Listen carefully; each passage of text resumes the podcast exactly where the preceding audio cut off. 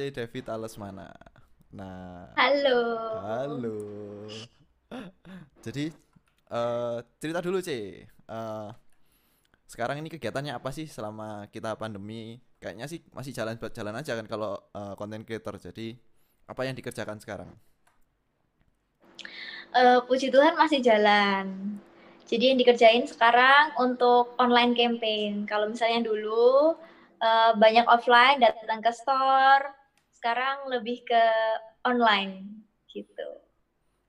Oke, nah eh gini, jadi orang-orang sekarang taunya C Devita, wah followernya sudah 14 ribu, 14 ribu di Instagram, di YouTube juga ada banyak banyak. subscribernya. Oh, enggak banyak ya. Tapi susah, C. Tapi kan kita kita untuk yang baru mulai juga mungkin eh, untuk ngejar angka segitu itu enggak mudah juga gitu. Jadi ya menurutku itu satu Hmm. pencapaian sih. Oke. Nah, jadi kenapa Ci dulu kok tertarik untuk bikin konten beauty dan fashion kan? Cici kan di beauty dan fashion. Nah, jadi awalnya tuh mulainya kenapa Ci gitu? Awal mulai jadi content creator di beauty itu karena ikut lomba. Ini setelah aku lulus kuliah, kan tadi kita udah ngobrol ya kalau lulus kuliah tuh aku dari interior sebenarnya. Jadi nggak nyambung sama kerjaanku sekarang. Itu aku struggle, maksudnya bingung setelah kuliah ini mau ngapain, mau kerja interior juga kok agak setengah hati gitu. Kebetulan dari kecil tuh memang suka foto, video, Terus aku juga suka belajar hal baru seperti eh, editing, video editing, eh, bikin blog juga. Terus sampai tiba-tiba ketemu suatu lomba gitu, lomba bikin video yang skopnya itu Asian. Jadi semacam Asian Next Top YouTuber gitu aku ngomongnya. Cuma aku nggak sampai final, jadi sampai semifinal aja. Nah, setelah dari semifinal itu, aku diajak sama temanku untuk gabung ke komunitas beauty. Dari situ lanjut, seperti sampai sekarang. Oke, nah itu eh, tahun 2014 ya Ci ya berarti? Atau sebelum itu maka eh, lombanya? Tahun 2014 akhir. 2014 Oke. akhir, dia dari Agustus, aku lupa Juli atau Agustus dia mulainya. Terus itu kan cukup lama, karena ini kan karena skalanya Asian, jadi ada banyak yang ikut, ada banyak s- apa babaknya juga, jadi sampai November kalau nggak salah. Terus aku baru mulai join ke eh, komunitasnya sekitar Desember awal. Oh, iya iya iya iya. iya. Nah, sebenarnya waktu mulai lihat siapa sih Ci? Jadi kan mungkin di tahun-tahun itu juga belum banyak bahkan di kota Surabaya eh, Cici kan mulai dari kota Surabaya. Kalau mungkin di Jakarta mungkin sudah banyak yang mulai juga. Tapi Cici bisa kepikiran untuk Mhm. jadi eh, beauty vlogger. Bahkan itu vlogger kan Mas yang jadi nulis bukan bikin video kayak zaman sekarang gitu. Oke, jadi kalau dari YouTube kan banyak sebenarnya ya, kan kita bisa lihat dari luar negeri. Dulu aku sih lihatnya tuh namanya Kathleen Lights kalau kamu tahu. Itu dia juga beauty YouTuber, suka sekali caranya dia ngomong, sampai akhirnya aku ketemu lomba ini, terus aku jadi kayak kepengen coba gitu untuk bikin video yang bentuknya tuh review atau tutorial. Padahal sebenarnya waktu itu aku nggak bisa make up juga. Maksudnya bukan yang jago make up. Jadi aku benar-benar mulai itu kayak dengan apa ya skill pas-pasan gitu. Oke. Loh, berarti waktu itu eh ya sampai sekarang kayaknya Ci ya. Jadi Cici bikin konten eh, mikirkan kontennya sendiri, nyiapkan sendiri, syuting sendiri, bahkan sampai ngeditnya sendiri ya, ya. Bener. Jadi aku bikin sendiri sampai sekarang sendiri. Cuma sampai eh, sekarang itu aku minta tolong adekku untuk video editingnya. Jadi dia tak ajari dikit-dikit, terus dia bisa mengembangkan sendiri. Jadi aku akhirnya terbantu untuk di video editing. Yang ngefotoin juga kebanyakan adekku, kalau enggak mamaku gitu. Jadi Jadi kerjanya sendirian. jadi semuanya eh, ikut turut serta ini membantu kontennya C Devita berarti. Sekeluarga ini Iya bener, ini family business memang. Family business. Oke. Nah, eh gimana sih C? Jadi kan eh, Cici ngembangkan dari awal kontennya eh, gimana untuk bikin uh, attention untuk orang-orang tertarik sama konten-kontennya kita. Jadi, jadi kalau bikin konten kan juga uh, niat banget tuh ya, bikin animasinya, bikin mikirkan fontnya, mikirkan desainnya kayak gitu. Nah, gimana sih Cek untuk konsep kita itu sebagai ya kalau yang bikin konten tentang beauty dan fashion untuk bikin konten yang menarik ini orang mau lihat di zaman sekarang kayak apa konsepnya sih? Oke, jadi kalau bikin konten itu memang apa ya pertemuan antara uh, kesukaannya kita atau passionnya kita sama demandnya dari market itu seperti apa. Nah itu pasti jadilah yang uh, disukai banyak orang gitu. Soalnya kalau misalnya kita hanya memikirkan demand marketnya aja, tanpa itu kita sukai, pasti kita juga menghasilkan karya tuh nggak all out, menurutku gitu.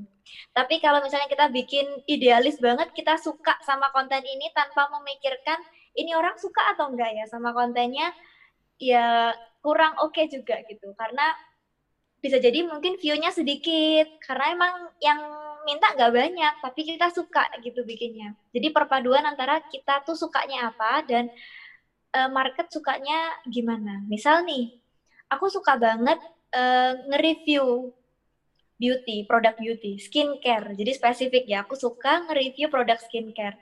Nah, sekarang dicari, yang lagi dicari sama market itu produk skincare apa?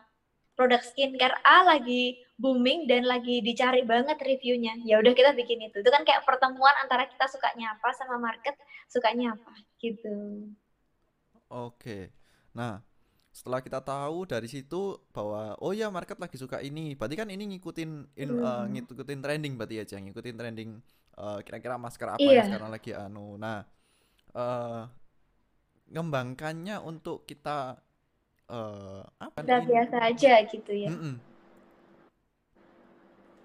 Hmm, kalau jadi gini, namanya orang bikin konten, pasti kepinginnya tuh yang fresh, yang baru, yang nonton ya, yang nontonnya pasti kepingin lihat konten itu yang fresh, yang baru, yang bagus.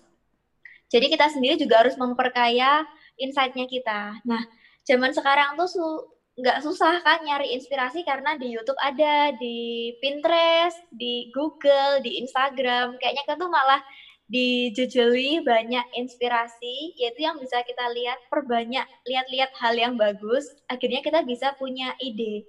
Kalau dulu aku belajar di kuliah itu kan amati tiru dan modifikasi. Nah itu hasilnya adalah inovasi. Inovasi itu dari amati tiru modifikasi.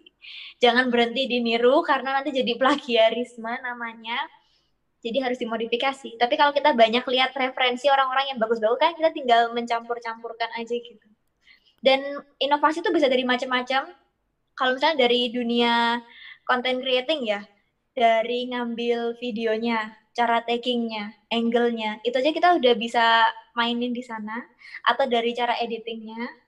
Atau kalau misalnya kalian suka nge-review, bisa juga dari cara nge-reviewnya, dibikin konsepnya seperti apa, apakah harus ada produk close up-nya dulu untuk produknya, atau kita ngomong aja langsung, atau kita kasih demo, jadi ada banyak banget pilihannya. Tergantung kita sukanya gimana, kita mau buat seperti apa. Yaitu yang harus banyak-banyak lihat referensi. Menurutku gitu.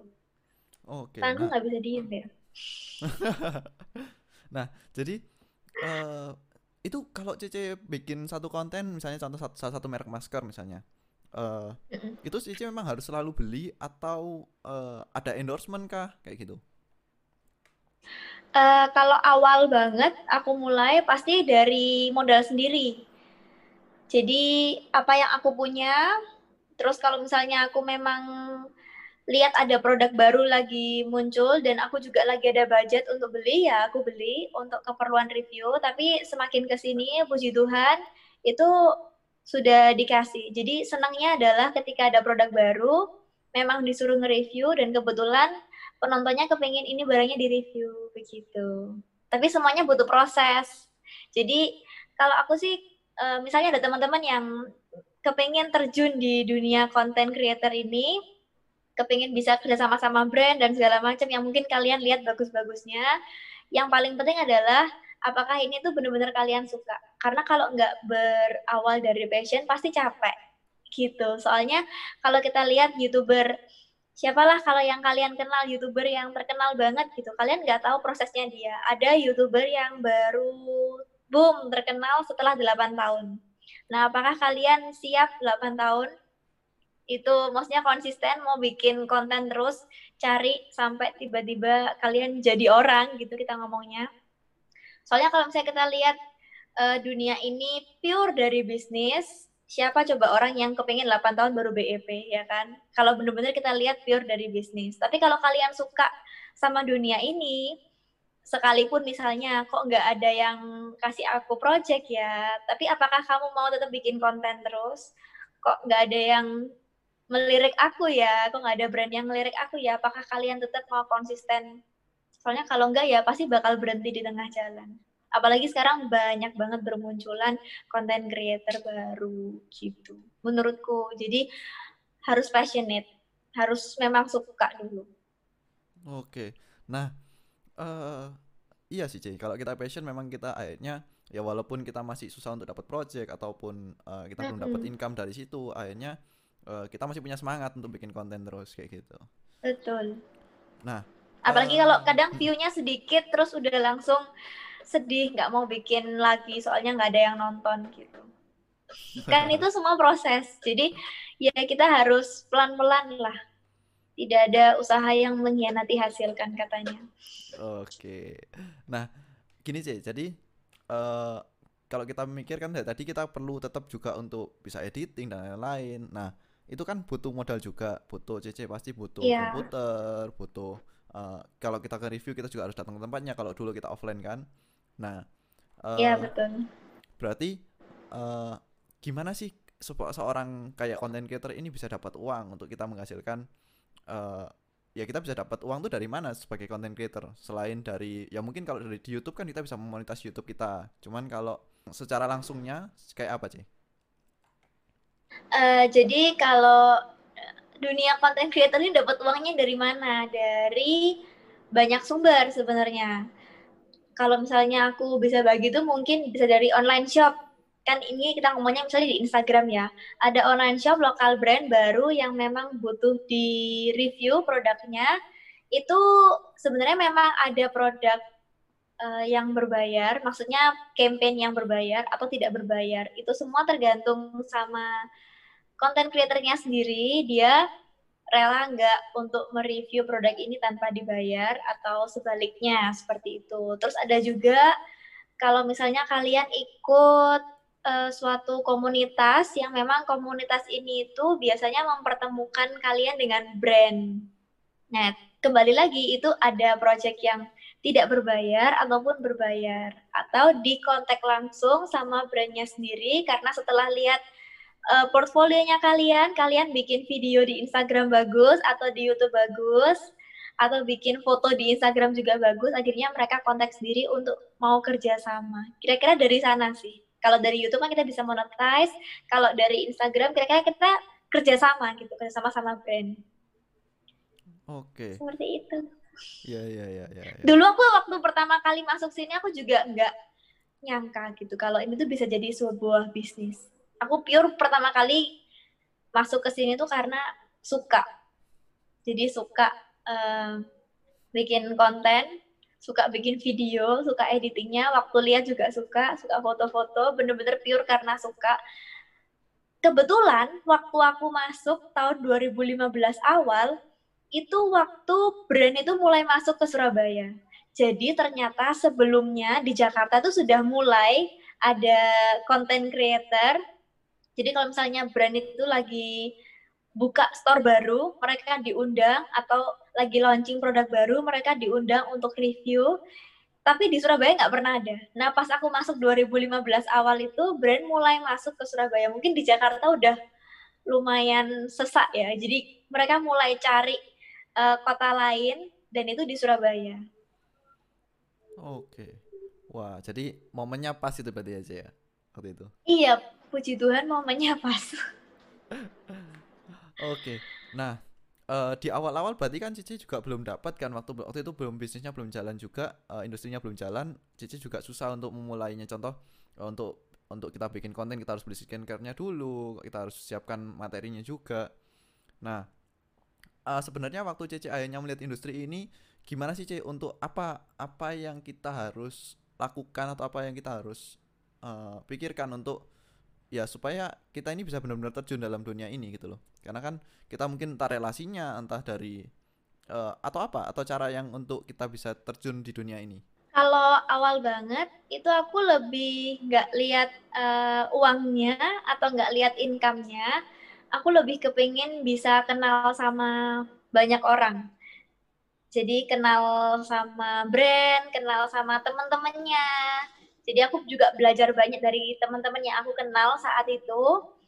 Kalau misalnya ada project yang masuk, aku kerjain all out. Jadi ya sampai sekarang aku juga kerjain sebaik yang aku bisa terlepas itu berbayar atau nggak berbayar tergantung perjanjiannya ya kan tapi kalau dulu tuh aku mostly terima semua project yang aku uh, tahu ditawarin gitu karena aku mau banyak bikin portfolio dulu jadi namanya orang kalau sebenarnya sama ya sama kalau kayak buka bisnis atau mungkin ini lebih cocok kalau misalnya freelance desainer gitu. Jadi setiap project apa pun yang ditawarin ke aku, aku selalu bikin gitu sebaik yang aku bisa. Nah, nanti lama-lama setelah portfolionya banyak, bisa jadi ada brand-brand yang menawarkan project yang berbayar. Kayak gitu.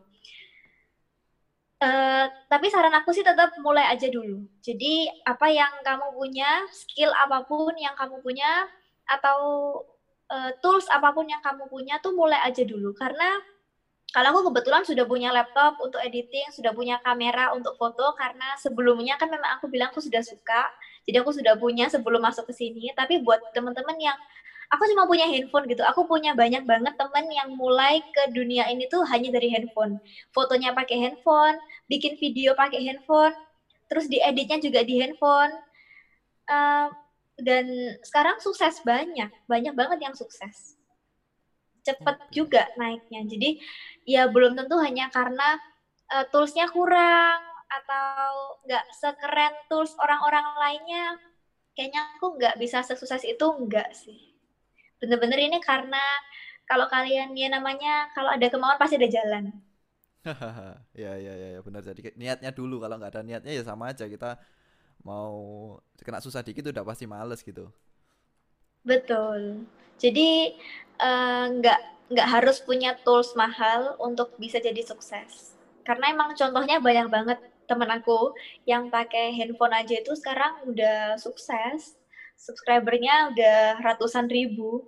Padahal mulainya dari handphone aja. Oke. Nah, uh, tadi kan Cici udah bilang bahwa sekarang ini sudah banyak sekarang kita udah banyak lihat influencer atau content creator di dunia beauty juga kalau kita khususnya sekarang ngomong beauty dan fashion uh, udah banyak yang lain juga yang sudah mulai nah kalau kita yang baru mulai ini C sekarang apa sih yang jadi uh, mungkin jadi salah satu trik yang bisa di, dilakukan jadi misal contoh uh, mungkin di zaman dulu masih bisa kita tentang bikin blog kita bikin video-video YouTube tapi kan sekarang mungkin ada inovasi baru yang Mungkin bahkan mungkin bisa masuk ke TikTok juga ya, C sekarang ya? Iya, boleh, boleh. Jadi sekarang TikTok kayaknya lagi rame kan. Kalau misalnya kalian itu tipe orang yang oportunis, itu masuk aja ke TikTok. Dan kemarin sih aku denger-dengar tipsnya ya. Sebenarnya untuk masuk TikTok itu, maksudnya untuk viral di TikTok, itu yang penting konsistensi untuk kalian tuh bikin video uh, terus-terusan gitu. Misalnya sehari bisa bikin satu bagus, tapi kalau lebih banyak lebih bagus dua, lima, sepuluh. Kan TikTok itu nggak terlalu lama ya kan kayak YouTube 15 detikan, 20 detikan. Bikin yang banyak, konsisten setiap hari, lama-lama bisa naik. Oke. Okay. Gitu. Tapi aku sendiri nggak main TikTok. Oh, kenapa sih? Kenapa? Nah, ini kan berarti adalah salahnya. Kenapa kok nggak mau terjun ke TikTok juga? sebenarnya bukan nggak mau terjun ke TikTok, tapi karena sekarang itu masih ada tanggung jawab yang harus dikerjakan di yang lain. Nanti kalau aku TikTok for fun saat ini. Jadi aku bikinnya kalau pas bisa, pas luang, pas nganggur, baru bikin. Tapi kalau mau serius kan harus kayak setiap hari bikin itu aku belum belum bisa bagi waktunya. Oke, ya, ya. gitu. ya. Karena juga bikin konten di Instagram sama YouTube ya, Ci ya. Masih masih jalan terus itu kan. Iya benar, sama bikin blog juga. Jadi uh, bagi waktunya agak susah. Uh, ada juga nggak sih kayak misalnya contoh gimana kita bentuk karakternya kita? Uh, personal branding ya ini berarti. Mm -mm. Kalau di sosial media, Instagram, YouTube, personal branding tuh penting banget. Tapi uh, jangan jadi orang lain gitu. Jadi tetap jadi tetap diri sendiri tapi the best version of yourself. Kayak aku nih sebenarnya tuh orangnya pendiam. Jadi pertama kali aku bikin YouTube, terus papa mamaku tuh lihat, papa mamaku tuh kaget karena merasa kayaknya kamu di rumah tuh diem deh, C, gitu. Kok aneh banget ya liatnya di YouTube bisa kayak ceria gitu. Tapi aku sebenarnya bukan punya dua kepribadian, bukan. Karena ini aku berusaha untuk jadi the best version of myself. Karena kan nggak lucu ya kalau misalnya di YouTube atau di sosial media lah kita tuh bikin konten lagi nge-review kita kayak ehm, ini aku nge-review produk ini menurutku produk ini tuh kan kurang fun gitu maksudnya tapi kalau misalnya kita energi gitu ya bukan berarti aku jadi orang lain tapi ya ini aku berusaha jadi versi terbaiknya diriku tapi uh, bentuk ceria ini belum tentu dipunyai sama banyak orang. Kayak aku tuh lihat beberapa youtuber, dia tuh tipe ngomongnya itu yang males buka mulut. Jadi kayak apa ya? Kalau orang komen jadinya. tuh bisa bilang, ih kenapa sih kalau ngomong tuh males banget. Tapi memang aslinya tuh orangnya kayak gitu. Jadi bukan dia juga buat-buat juga enggak. Memang orang aslinya tuh kayak gitu. Jadi menurutku ya nggak apa-apa tetap jadi diri sendiri aja. Kalau memang kalian orangnya seperti itu ya nggak apa-apa. Pokoknya jadi the best version of yourself aja. Gitu. Dan memang harus cari keunikan yang tadi aku bilang. Jadi di sosial media tuh penting banget bikin personal branding ya kan? Harus cari keunikan supaya uh, karena banyak banget yang tadi aku bilang banyak banget konten creator baru. Jadi kalian harus stand out gimana caranya tanpa jadi orang lain, tetap jadi diri sendiri gimana caranya? Ya itu harus berpikir. Kan kita manusia kreatif, jadi pasti bisa. ya ya ya benar-benar. Jadi influencer juga harus kreatif, nggak cuma bisa nge-review aja ini, nggak cuma asal pakai aja. Nah, betul banget. Waktu akhirnya sampai sekarang kira-kira apa sih Ci yang jadi next stepnya? Jadi kalau kita sebagai influencer apakah cukup cuma stop di ya kita bikin konten jadi rutin terus bikin konten terus uh, ya dapat endorsement sana sini. Cuman apa sih next step yang bisa dilakukan seorang uh, seorang beauty vlogger ataupun fashion? Apa yang bisa dilakukan? Ataupun mungkin jadi harapannya Cici juga bahwa ke depan oh aku mau ngerjakan ini kayak gitu. Uh, sebenarnya ini long term sih menurutku. So seorang seseorang yang suka uh, sharing itu banyak banget hal yang bisa di-share. Mungkin saat ini di umurku yang sekarang itu aku bisa share-nya tentang beauty, fashion yang sesuai juga penontonnya sama kira-kira seperti aku. Nanti aku tambah umur kan pasti kita punya sense of fashion atau beauty juga beda, butuh skincare beda. Jadi tetap ada yang di review sampai mungkin someday mungkin aku berkeluarga dan punya anak. Uh, ada juga namanya mom mom blogger kalau nggak salah namanya. Jadi dia memang seputar mam, waktu dia hamil, maternity, ngomongnya banyak banget. Sebenarnya nggak ada batasannya di dunia ini menurutku. Cuma dulu aku sempat berharap, sempat berharap someday ketika aku sudah nggak lagi uh, aktif untuk nge-review di YouTube, itu aku kepingin bisa empower orang-orang yang sekarang kan ini dunia content creator lagi berkembang nih. Aku kepengen juga bisa ngasih tips seperti ini, tapi untuk uh, bener-bener kayak aku kasih apa ya? Ini kan aku sebenarnya aku masih baru sih, kan ini berapa ya berarti? Aku masih lima tahun di sini. Tapi kan aku sudah banyak uh, belajar seiring berjalannya waktu. Aku juga kepengen kasih pengalamanku ini ke orang lain buat teman-teman yang mau jadi content creator tuh aku pengen banget sebenarnya bantu. Karena pertama kali aku masuk ke sini kan bener-bener clueless aku nggak ngerti dari ketika kita kerja sama-sama brand yang profesional kita butuh MOU dan segala macam cara cara menentukan red card seperti apa itu kan aku bener-bener sendirian. Nah aku sih kepengennya bisa bantu orang yang baru gitu.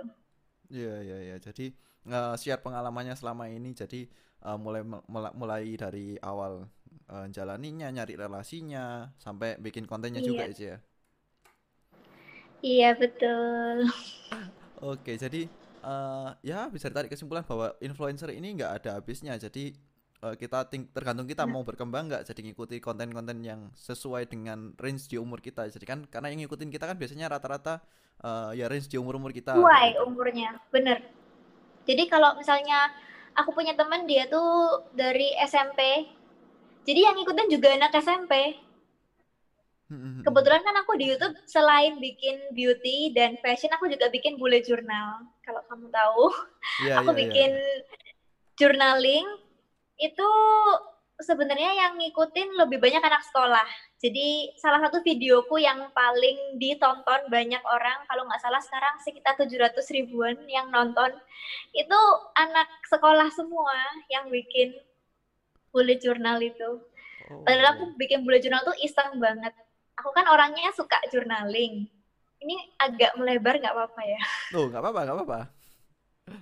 aku kan suka journaling, jadi kayak planner girl gitulah. Terus habis itu aku tuh nyari-nyari uh, kalau misalnya planner sudah ada template-nya, kalau nggak sesuai tuh agak OCD juga gitu loh. Sampai aku menemukan sistem namanya itu bullet journal. Nah waktu aku cari di YouTube semua itu dalam bahasa Inggris. Ya kebetulan aku lumayan ngerti jadi it's fine buat aku tapi ternyata ada banyak orang Indonesia yang kepengen bisa bullet journal tapi dia tuh nggak ngerti karena kebanyakan videonya tuh bahasa Inggris akhirnya aku bener-bener gather semua informasinya tentang bullet journal sistemnya. Untuk pemula aku kayak rangkumin terus aku bikin video bullet journal untuk pemula yang bahasa Indonesia. Ternyata tuh peminatnya banyak. Ternyata setelah itu banyak request untuk ayo bikin yang pelajar. Soalnya kita banyak yang pelajar. Aku bikin yang pelajar. Yang itu yang ternyata uh, diminati banyak orang. Ini kembali ke yang pertanyaan awal ini di tahun aku kelima baru aku menemukan sesuatu yang orang-orang tuh bener-bener cari gitu. Nah kalau misalnya kalian nggak didukung sama passion fondasinya, mungkin bisa berhenti di tahun pertama, kedua capek kan. Padahal hmm. ternyata di tahun kelima kalian baru ternyata bisa menemukan topik apa sih yang disukai sama penontonnya kita gitu. Oke, berarti uh, akhirnya kayaknya kesimpulannya bahwa uh, walaupun kita sebagai mainnya mungkin ada majornya kalau di musik kan ada major ada minor. Jadi uh, mungkin hmm. majornya memang di beauty and fashion tapi juga bisa ambil minor kasarannya. Jadi uh, ya kita bisa bikin konten lain yang masih dalam range-nya kita dan akhirnya jadi punya punya kom, uh, punya apa istilahnya ya punya lingkungan yang baru juga kayak gitu bener bener banget yang aku tahu sebenarnya uh, kayak youtuber mostly orang tuh sebenarnya suka sama lifestyle jadi misalnya karena aku di beauty atau fashion banyak juga teman-teman aku yang youtuber itu juga beauty sama fashion tapi penontonnya tuh suka sama lifestyle-nya mereka. Jadi ketika mereka bikin vlog, daily vlog, itu jauh lebih uh, banyak peminatnya daripada mereka nge-review produk beauty itu sendiri. Jadi kan orang tuh kayak beda-beda.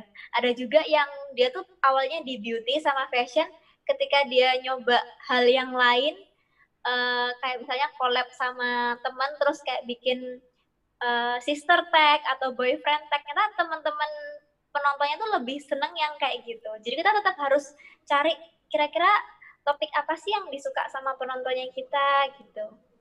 Oke, ya ya ya. Jadi akhirnya ngembangin pasar baru lagi. Jadi bahkan bisa saling saling mendukung. Jadi apa yang jadi minor bisa mendukung yang major juga kayak gitu. Jadi orang bisa kenal Bener. juga gitu. Oke, wow. Jadi uh, thank you C udah share pengalamannya ini selama ini terus uh, ya ada ide baru kan jadinya uh, ternyata setelah lima tahun nggak uh, cukup jadi beauty dan fashion aja tapi uh, akhirnya ada baru ini kegiatan baru lagi ini. Kayaknya itu butuh waktu yang yeah. lama untuk bikin kayak gitu aja ya? Benar ya itu tadi aku baru menemukan sekitar lima tahun ini gitu. Maksud di tahun kelima di tahun kelima aku baru menemukan ternyata banyak yang suka topik bullet journal Oke. Tapi kita jangan ini sih, misalnya kita lihat orang-orang uh, apa ya? Oh prank nih prank lagi naik banget terus kita bikin atau kita lihat lagi orang yang lain kayaknya ini lagi naik banget kita bikin. Jadi jangan terlalu sering ikut arus jangan lupa harus sesuai nggak sama kita gitu. Sama kayak kalau pakai baju lagi ngetren celana cutbray. Tapi aku nggak cocok nih pakai celana cutbray ya jangan dipaksakan. Jadi nggak harus apa yang lagi tren apa yang orang lagi suka. Tapi padahal kita nggak suka banget nggak cocok tapi kita paksakan demi itu juga pasti kelihatan hasilnya. Kalau nggak sepenuh hati gitu iya iya iya jadi uh, ya sama kan juga dengan karakter kita ya Cia. jadi nggak bisa dipaksakan juga Betul. kayak gitu Oke, thank you C udah share pengalamannya. Uh, kayaknya bakal setelah ini jam-jam berikut ini bakal sibuk ini kayaknya review-review lagi nanti. Sama-sama. Oke. Okay. Gak kerasa ya, sudah selesai ya. iya.